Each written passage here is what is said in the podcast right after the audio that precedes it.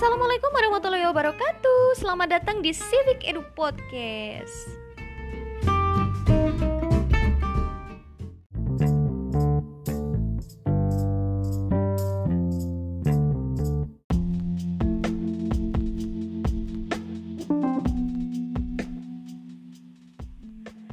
Oke, karena kebetulan ini podcast pertama aku, jadinya kita kenalan dulu yuk karena ada pepatah yang bilang nih tak kenal maka tak sayang. Lanjutannya adalah udah kenal tapi nggak sayang sayang waduh sedih banget. Tapi ngapain kita sedih-sedih? Mending kita kenalan aja yuk.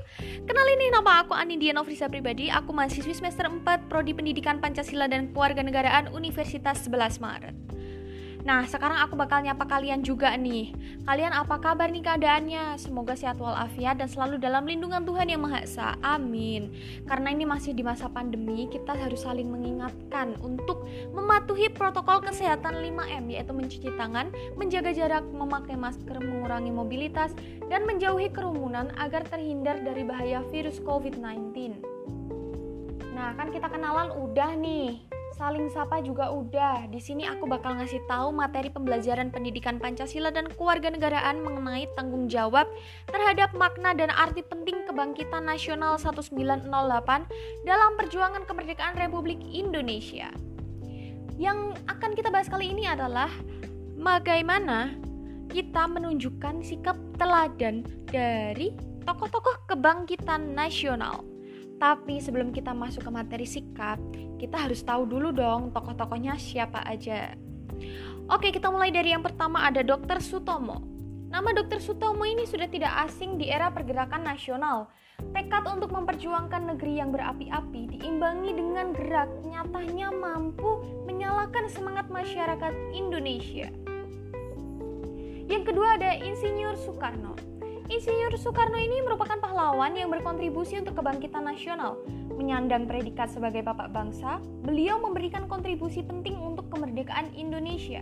Selain itu, Soekarno memiliki predikat orator yang handal sehingga membuat semangat persatuan kesatuan dan rasa nasionalisme itu bangkit. Yang ketiga ada Dr. Cipto Mangunkusumo. Dr. Cipto Mangunkusumo adalah tokoh penting kebangkitan nasional. Beliau sering kali mengutarakan pendapat, pandangan hingga kritik terkait pemerintah Belanda yang ada di Indonesia. Lalu yang keempat ada Ki Hajar Dewantara. Kiprahnya di dunia pendidikan sudah tidak diragukan lagi. Bahkan Ki Hajar Dewantara juga berkontribusi penting dalam mendirikan lembaga taman siswa. Beliau berharap masyarakat Indonesia ini bisa mendapatkan kesempatan belajar yang layak. Ki Hajar Dewantara juga dikenal sebagai seorang politisi terlebih lagi setelah ikut serta mendirikan Indische Partai.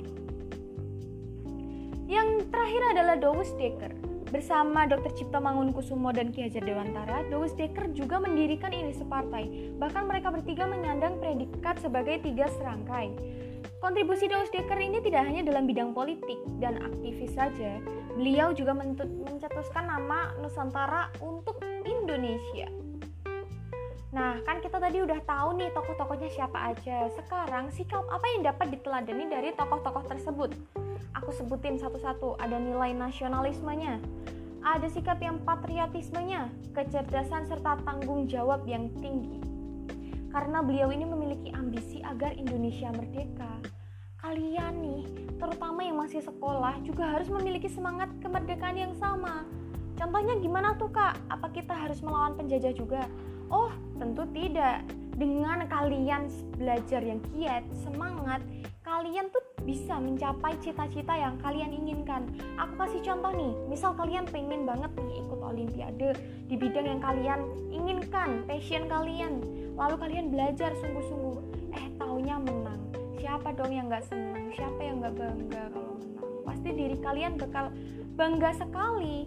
Nah, itulah bentuk perjuangan kalian. Apalagi nih kalian ikut kejuaraan itu mewakili sekolah. Selain kalian membanggakan diri kalian sendiri, kalian juga bisa mengharumkan nama sekolah kalian. Jadi, tanamkanlah nilai-nilai positif yang ada pada para tokoh di kehidupan kalian versi yang berbeda. Ya, tapi sayang banget nih kita udah ada di ujung podcast episode yang pertama ini Aku mohon maaf kalau ada banyak kesalahan pada episode yang ini. Jangan lewatin podcastku selanjutnya ya. Jangan lupa juga buat share ke teman-teman kalian agar bisa sama-sama menambah pengetahuan. Sekian podcastnya. Terima kasih buat yang udah mendengarkan. Wassalamualaikum warahmatullahi wabarakatuh.